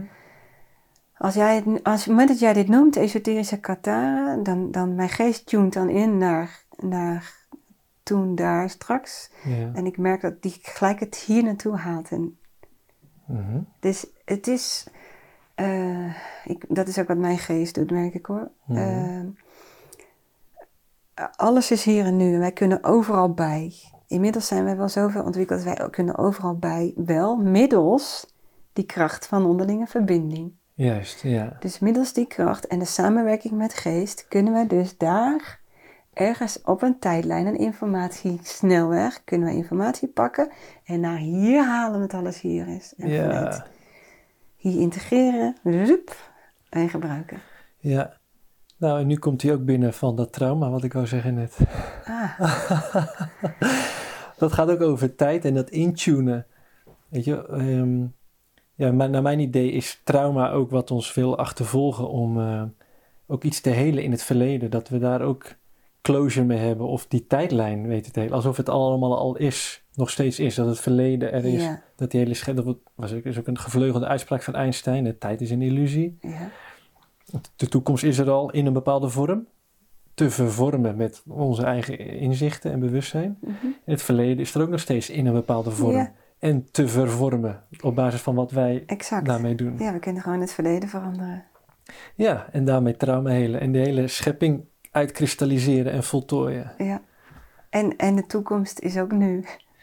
Ja, Weet je- is ook niet straks, het is ook, het- ja, het geeft toch wel voordelen. ja en dan hebben we ook een soort, eh, met z'n allen een soort spiegel gebouwd voor wie wij daadwerkelijk zijn. Ja. Dit is wat we fijn vinden. Ja, en wat is jouw spiegel? Wat is jouw Ja. spiegel? Hoe ziet jouw spiegel eruit? Dus Ja. komen we weer terug op wat doet wat met jou? Ja, ja. En dit, ja, ik vind dit zo prachtig. Dit komt ook dan weer terug in het esoterische christendom, dit soort dingen. Mhm. Ja, vind ik dan echt grappig om dan via hele andere routes Ja. tot hetzelfde uit te komen. Ja, we weten het Ja. allemaal wel hoor. Echt hè? Ja, als we maar genoeg tijd nemen en voelen en verbinden dan, en puzzelstukjes samenvoegen, ja, dan kom je er wel. Ook los van al die ancient wisdoms en al die geschriften. Natuurlijk. Ja, zo super logisch ook. Ja, we kunnen zo verdwaald zijn als mens. Mhm. Oh, ja, ik weet er alles van. Ja, Ja, daar gaat mijn aandacht even naartoe. ja, De dwalende mens. ja. Maar voor mijn Want we gevoel... komen er niet zomaar, zeg maar. Nee, nee, nee. En ik denk ook dat het onderdeel is van, eh, van de bedoeling. Nou, kun je over bakkeleien of dit nou echt zo extreem moet worden. Nou, wat is extreem? Misschien is het in het verleden van de schepping of in een andere schepping nog veel extremer geweest. I don't know. Maar om even helemaal naar nul te gaan qua bewustzijn. En dan stap voor stap het weer terug te halen. En echt als cadeautje uitpakken. Oh, wacht, dat is ook waarheid. Oh, dat zijn wij ook. En, dan zo die grootheid tot in het oneindige weer herontdekken. Om dan echt te beseffen hoe mooi het is wat we zijn, wat het bestaan is, wat God is. Wat je Ja. nu omschrijft, Mhm. is exact de sprong die wij te maken hebben terug naar de verbinding met de kracht van onderlinge verbinding. Daarin zie je dat we één zijn. En dus wij zijn heel, stel je voor, het is een driehoek, hè? Mhm. Kracht van informatie, kracht van beweging, kracht van onderlinge verbinding. En wij zijn helemaal gekanteld naar informatie en lichaam. Mhm. Dus wij hebben een sprong nodig, daar weer terug in verbinding. En dan kunnen we weer in evenwicht komen in het midden en we alles gewoon. Juist, ja. Mooi. Dat is geen einddoel. Dat is Nee. we moeten naar eenheid. Nee. Er is geen doel. Er is al eenheid, we zijn het alleen uit het oog verloren omdat we te veel aandacht hier hebben gezet en dus uit verbinding zijn gegaan met de wet van, met de wet van eenheid. Ja, Onderlinge verbinding, dat is eenheid. ja. Die moeten we erbij halen en dan kunnen we weer in die drie eenheid, in Mhm. evenwicht komen. Prachtig. Ja, Ja, heel mooi. ja. Ik vind het leuk dit met die vragen. En dan kom je er heel... Hoppatee, dan gaan we weer even terug naar de volgende vraag. Deze vraag is van Sonja Postema. Eh, nou, leuke inleiding, complimenten voor jou. En voor Lumens, nou dankjewel. Is het live? Wat? Oh, dat is inleiding. Oh, ik denk dat je nu de real live nee, jij dacht, oh, dat wordt niet direct. Nee, nee, het is niet live. Kan hè, tegenwoordig. Ja, dat klopt. Gaan we misschien nog een keertje doen. Leuk idee. Ja. Ja, het ontstaat niet voor niks. ik, ik vind live, ik heb het wel eens gedaan. Het is echt wel leuk, veel levendiger. Ja, het is live, Ja. levendig. Ja. En dan stroomt het echt op dat moment, wat er op dat moment gebracht wil worden. En ook voor de kijkers, weet je, dan is het echt, ja, echt een ja, kanaal. Ja, ik vind het leuke van live, ik doe het vrijdagochtend altijd eh, in mijn spreekuren. Het leuke van live is dat, dat, de, dat je kunt inzoomen uh, in de groep die, die Mhm. luistert. Ja, En dan, dan, dan kan je, ja, dan word je zo, ik word dan in een soort van kanaal van wat daar allemaal wil. ja. Ik ik ook wel die sprong maken, maar, maar dan is het nog vitaler, ja. Ja, Ja. eh, nou, die houden we erin. Goed, Sonja Postema vraagt: Wat verandert er op het gebied van emoties als mensen een eenheidservaring of een nabij de dood ervaring hebben gehad? Wat is jouw visie erop? Nou, sluit mooi aan bij waar we het net over hadden. Ja, leuke vraag. Ehm, wat er dus gebeurt is dat je weer in verbinding komt met jezelf. En als ik dan naar de emotieleer kijk, dan hebben wij acht emotiegroepen, waarin allemaal eh, eh, broertjes en zusjes emoties zitten, van positief naar negatief.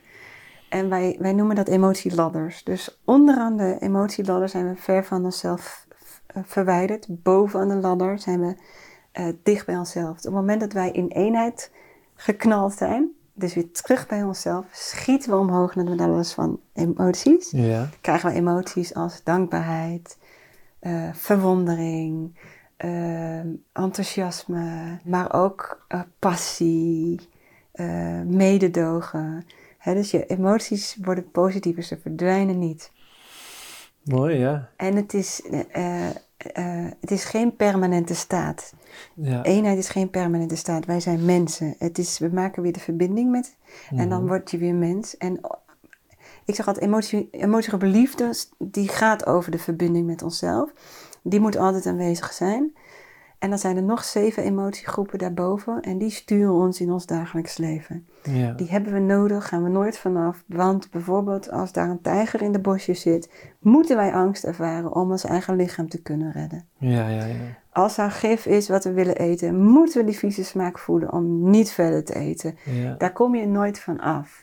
ja. En dat moet dus ook niet. Ze, ze helpen ons, ze sturen ons, ze begeleiden ons in het leven. Mhm. Ja, mooi. Ja. Maar ben je meer gemasterd, meer bewust, dan heb je fijnere emoties. Ja, nou, ik stel de vraag ook. Ik vind het een leuke vraag ook omdat ik het zelf ook heb ervaren.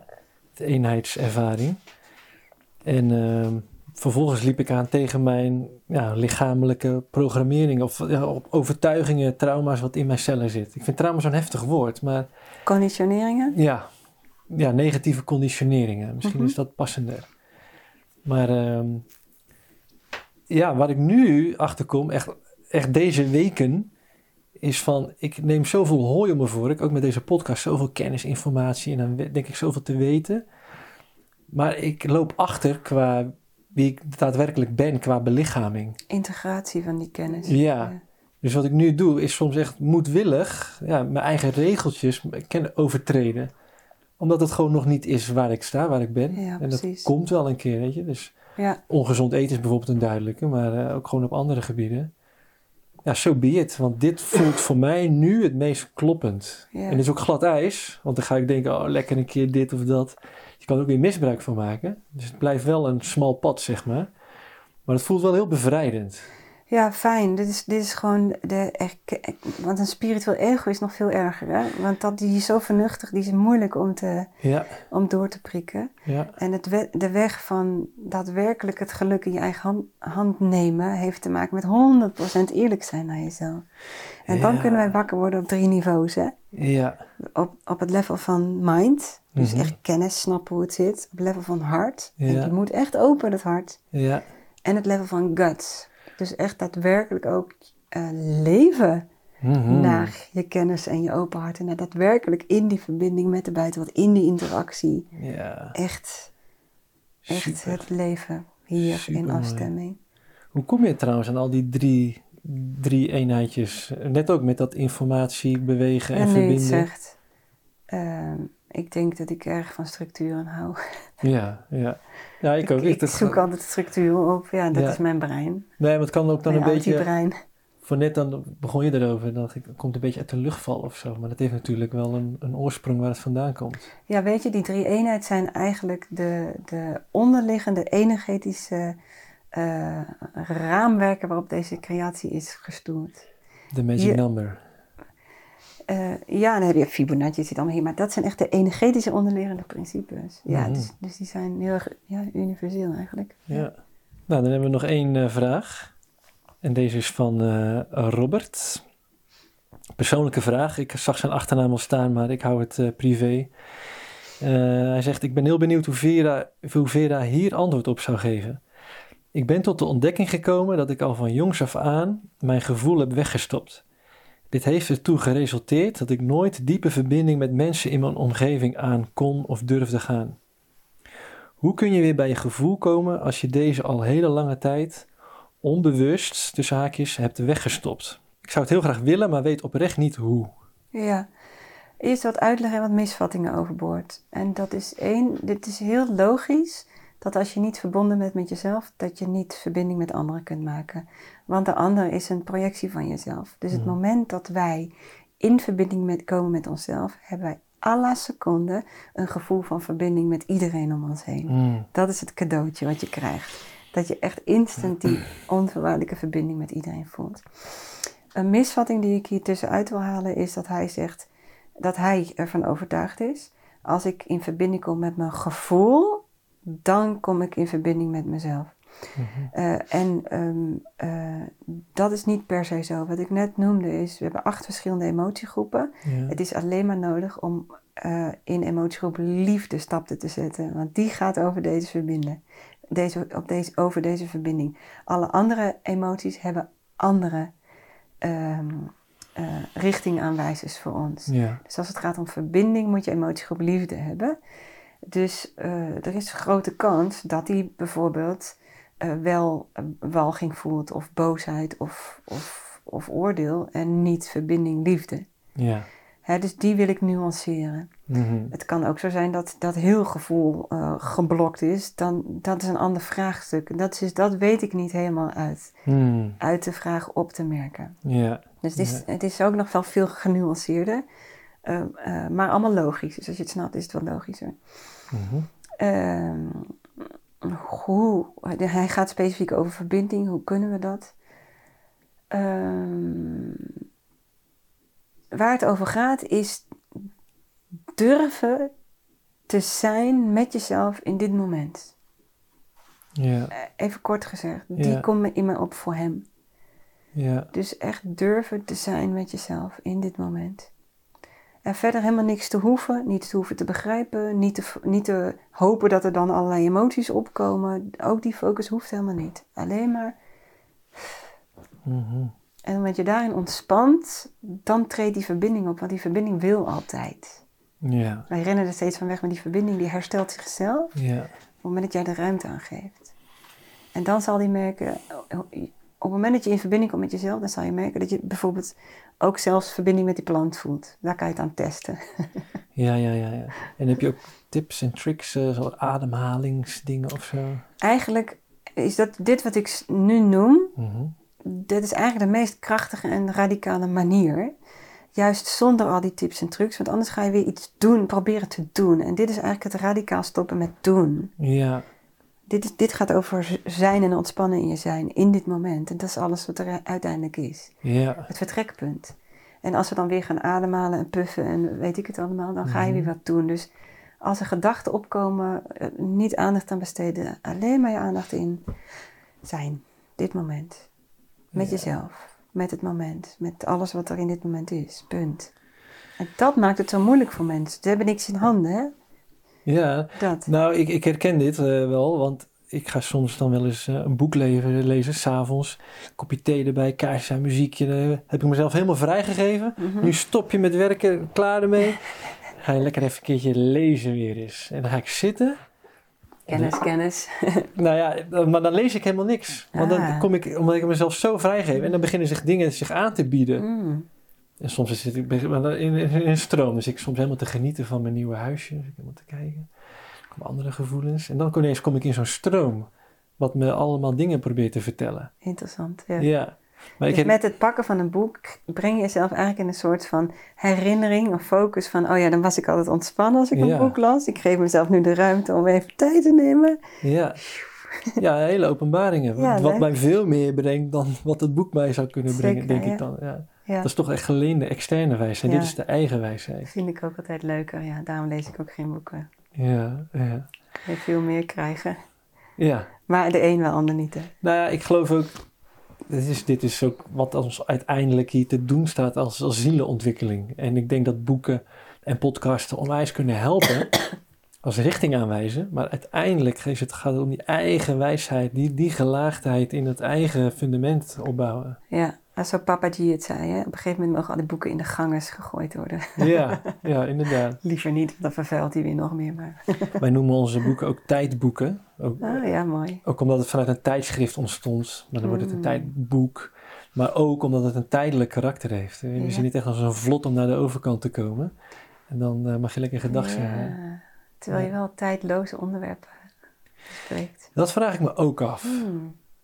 Zeker als je het leest. Mm. Ja, dit is van alle tijden, volgens onze geschreven geschiedenis. Maar ik denk, ik, nou ik weet, ik, wat was voor mij een weten. We gaan naar een tijd waarin we dat helemaal niet meer nodig hebben. Ook de Bijbel. En dat is een van de dingen waar ik tegenaan loop als ik naar de Mm. kerk ga. Dan heb ik leuke gesprekken met die mensen. Hmm.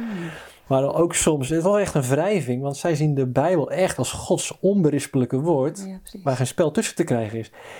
Ik denk dan, ik vind het naïef om er niet rekening mee te houden dat het zou kunnen dat ook de duivel daar ook iets in heeft vervormd. Nee, maar dat is, en dan staan we echt op afstand van elkaar. Ja. En ik zeg juist, we gaan naar een nieuwe wereld waarin we van aangezicht tot aangezicht gaan leven met God. Dat is een Bijbelse tekst. En dan heb je helemaal geen teksten meer nodig, een Bijbel of iets, weet je, want je leeft al van aangezicht tot aangezicht met het Allerhoogste. Ja. En daar zijn ze het dan wel mee eens. En ik snap het, want ik, wil, ik zeg ik ook, ik wil jullie helemaal niks afpakken. Ik denk dat de Bijbel super dienend is geweest. Ik denk dat het het belangrijkste boek ooit is. Maar dat denk ik, weet ik veel. Zoveel, zo geleerd ben ik niet. Mhm. Maar dat het echt een nodige nou, reddingsboei is geweest voor de mensheid. Ik zou niet Mm. weten waar de mensheid was geweest zonder de komst van Jezus of zonder de Bijbel. Weet je, dus ik heb er echt alle respect voor. Maar dat is dus wel, eh, nou, hoe ik, dat, hoe ik er tegenaan kijk, van de tijdelijkheid van al het externe. Dat het uiteindelijk alleen maar het- van binnenuit het, het leven geleven wordt. In welke vorm het zich ook gaat doorontwikkelen. Mhm. Ja. Leuk hè? Ja. Boeiend om je zo te kijken. luisteren. Ja, ik zie jou kijken. Ja. Ik praat tegenwoordig niet meer zoveel. Ik, als interviewer zit ik meer naar anderen te luisteren. Maar ik merk dat ik het soms ook heerlijk vind dat het door mij ook dingen heen kunnen stromen. Ja, Ja. Ja. Ik voel dat ik daar ook wel een stukje medicijn in te brengen. Precies. Ik ja. ga er echt van aan, merk ik dan gewoon. Maar dat is ook Ja. zo menselijk. Is expressie en Ja. geven. Dat is, dat is wat je ook kleine kinderen ziet doen. Hè? Dit is natuurlijk wat ons gelukkig maakt. Ja, echt hè? Mhm. Wat het ook is. Maar als je dat voelt, dan weet je gewoon, dit is mijn dingetje. Ja. ja, ja. Leuk. Ja. Ja, Leuk tijdboek over religie. inderdaad. nou, nog even ter aanvulling op deze vraag van Robert. Ehm, ik herken mijzelf hier heel, erg in. Weet je, ik heb eh, technische studie gedaan en eh, eigen bedrijf. Wel. En als, je, als ik dit had gehoord, dit advies van nou, gewoon zitten en zijn, dan denk ik dat ik ehm, in allerlei programma's was geschoten. eh, wat ik niet had kunnen onderscheiden van mijn eigen gevoel van, oh, ik wil iets gaan creëren of ik wil eh, die klant bellen of eh, whatever, weet je wel. Want dat voel ik toch. Maar er zit zoveel laag onder. En wat voor... Maar de vraag is of je dan toe bent aan de emotiegroep liefde. Of dat je niet eerst een andere emotiegroep mag doorwerken. Ah.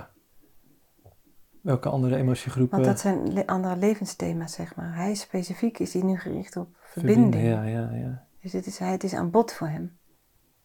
Jij bent wel goed zeg. nee, mooi. Je kijkt naar de details, ja. Ik heb misschien wat emotiegroepen overgeslagen, besef ik me nu. Nou, dat kan eigenlijk niet. Nou, wat ik gedaan heb en waar ik eigenlijk heen wilde met mijn vraag, is wat, wat mij heeft opengebroken hierin, is plantmedicijn. Mhm. Dat heeft echt, ik ben ook benieuwd hoe jij daarover over denkt. Oh, lekker. Nee, maar dat echt, eh, poef, echt de grootsheid, joh. En mezelf door de mangels hier gehaald zien worden. En echt eventjes eh, zo. Echt een totaal ander perspectief op mijn leven. En dat had ik echt nodig, om, want ik was echt overtuigd van mezelf. Ja. En dat voelde ook lekker, voelde veilig, Ja, voelde comfortabel, was succesvol, weet je wel. Dus heel lastig om daaruit te komen. Ja. Ja, spiritueel ego is lastig, maar dit soort ego's uh, net zo. Maar je krijgt altijd op het juiste moment wat je nodig hebt. En met emoties werkt het zo dat op het moment dat jij dus in, in emotiegroep boos en, hè, zit en gaan en passie en daadkracht en door, door, door. Ja. En uh, trots, misschien ook vreugde, dat erbij zeg maar. Op het moment dat jij daarin, dat het, dat het niet meer klopt voor jou en het is beter voor jou om terug in balans te komen, dan gebeurt daar iets op een gegeven moment in. En dus uh, de manier waar de, de, de emotie die je krijgt van een bepaalde situatie, uh, die geeft jou de feedback die voor jou nodig is om weer terug in balans te komen. Dus stel je voor, we maken alle drie hetzelfde mee. Of, of vier maken we hetzelfde mee. Uh, bijvoorbeeld je, je, je, je, partner loopt weg. Of je raakt failliet. Mm. En voor de een, die wordt er depressief van. De ander, die wordt er strijdvaardig van. De ander wordt er verdrietig van. En de derde, die voelt een opluchting. Of de vierde. Dus uh, de situatie kan hetzelfde zijn. Maar wat wij voelen, uh, wil ons vertellen hoe wij hiermee om moeten gaan. Om weer terug in balans te komen. Dus de emoties, die streven altijd naar balans. Ja, ja. En de, de, de type emotie en waar op de ladder geeft ons aan hoe wij weer op dat moment, in welk levensthema, weer terug in balans kunnen komen. Ah. Dus zijn disbalans zit op dit moment in, in, de, dus in verbinding. Ja. Super interessant zeg ik. Ja. Wat, wat is balans eigenlijk, zit ik me af te vragen. Als je in het euforische, liefdevolle gevoel zit, hè, en emoties proberen in balans te brengen, dat is dan Dat is onbalans. geen balans, zeker. Ja. Dus disbalans is ook niet altijd onprettig. Nee, Euforie is ook disbalans, Juist. extreem. ja. Want, je, want je raakt Mhm. helemaal je voeten onder de aarde kwijt. Mhm. Balans is nulpunt. Dat is saai, is ontspannen. Ja, ja. En dat is niet, eigenlijk komt hetzelfde voor dat wij, wij, wij, wij raken zo af en toe balans aan, maar het komt, komt zelden voor dat wij langere tijd in balans zijn. Want dat is niet waarvoor wij hier zijn. Wij zijn eigenlijk continu aan het balanceren. En wij gooien ons onderbewust waar vaak uit balans om weer wat te ervaren en om te groeien. Groeien gaat altijd gepaard met disbalans. Voelt Mhm. even nieuw, onprettig. Streven naar balans is eigenlijk jammer, want, je, want dan wil je eigenlijk weer naar saai terug. Maar ja, dat is zoals het werkt. Daardoor ontwikkelen we. Dus, het is, ja. dus we streven altijd naar balans. Emoties willen ons altijd in balans brengen. Maar de ervaring zit in de disbalans. Ja. ja, dit is ook een van de dingen die ik zo heb eh, meegenomen uit ons vorige gesprek. Van balans bestaat niet. Er is alleen, je kunt alleen maar balanceren. Ja, Het is een illusie dat je denkt dat het een punt is om op te verblijven. Ja. En dan ben je er. Oké, Ja. checkbox, klaar. nee, je bent al, je bent hier en nu, klaar, punt. Alles ligt open, altijd. Ja. Maar ik merk het ook, dit gesprek brengt mij ook meerdere keren uit balans. Maar dan van de schoonheid. Dan zit ik Mm. zo te genieten en dan vind ik het zo mooi. En ik merk gewoon, ik heb dan, dan ga ik er een soort van in mijn hoofd of ga ik het analyseren. Dat is echt nog, eh, en dan, ben ik, dan luister ik niet helemaal goed. Dan moet ik weer even, even bijwerken van, oh ja, maar- oh ja waar ben ik Ah, je weer? heb je even puzzeltijd nodig. Ja, ja, ja. ja dan, maar dat is dus ook gewoon een stukje euforie of zo, denk ik. Eigenlijk is het wel, dat is, dat is heel normaal trouwens en heel fijn. Het is eigenlijk wel tof als je dan in een gesprek kan zeggen, ik moet heel even puzzelen. Ja. ja. Nou ja, ik zeg het ook wel eens in de... minder moe. Ja, ja. En ik zeg het ook wel eens in de podcast van... "Wow, wat mooi. Laten we hier even bij stilstaan, zeg. Ja, Ja, al dat doordenderen. ja. Het doet mij in ieder geval geen goed, al Nee. dat doordenderen. Nee hè? Ja, ik heb wel bij een boekpresentatie wel eens gezegd. En toen zei iemand uit het publiek... Oh, ik zet hem gewoon op pauze dan hoor. dacht ik, oh ja, dus jij kan dat. ja, ja, ik zit hier in vlees en bloed eh, in een snel trein. Zo, Vera helemaal weer aan het woord. Hallo. ja, ik produceer wel, ja. Ja, ja. Ja, en ik lok het ook lekker uit natuurlijk. En eh, jij gaat wel. Maar het is echt, eh, ja, echt veel moois. Echt. Dank je wel. Ja, ik vind het echt weer te gek. Ja. Het voelt af. Hm. Ja. Heb jij nog iets wat je wilt toevoegen? En mijn brein is ook helemaal blanco, merk ik. Hmm. En als er wat komt, komt er wel weer wat. Maar eh, Hmm. Nou, misschien is dit ook een mooi gevoel om mee te geven aan de kijker. ja. Moet ik alleen nog zo'n stom riedeltje doen? Ja. Wat jij wil. Ja. Nee, dat is een van de dingen die ook terugkwam. Ik vond die kijkersvragen zo leuk. Dus tijdens ons gesprek kwam dat ook van. Dat ik echt nog aan de kijkers wil zeggen van als je nou die kijkersvragen leuk vindt, uh, die gaan we vaker doen. En dan op Instagram komt die oproep. Dus als je dat, dat mee wil krijgen, want vaak is die nieuwsbrief, die versturen we niet zo vaak. En dan is het te laat. Dit is vaak te meer kort dag. Dus ons uh, tijdboek underscore lumens op uh, Instagram. Nou, en dan mocht je het gesprek waarderen, deel het dan met je netwerken. Daar zijn we super blij mee. En uh, wij zijn heel erg gebaat bij donaties en vergoedingen. Als je dit waardevol hebt gevonden, dan nemen wij graag die waarde van jou over, zodat wij door kunnen gaan hiermee. Nou, je ziet dat wij dat maar heel graag uh, doen. En nog een keertje met Vera op, uh, in gesprek gaan. ja, ik vind dat toch echt wel goed. En ehm, onze website tijdboeklumes.nl, eh, ook onze nieuwsbrief. Daar krijg je dus ook eh, updates mee. Alright, tot de volgende keer. Doei!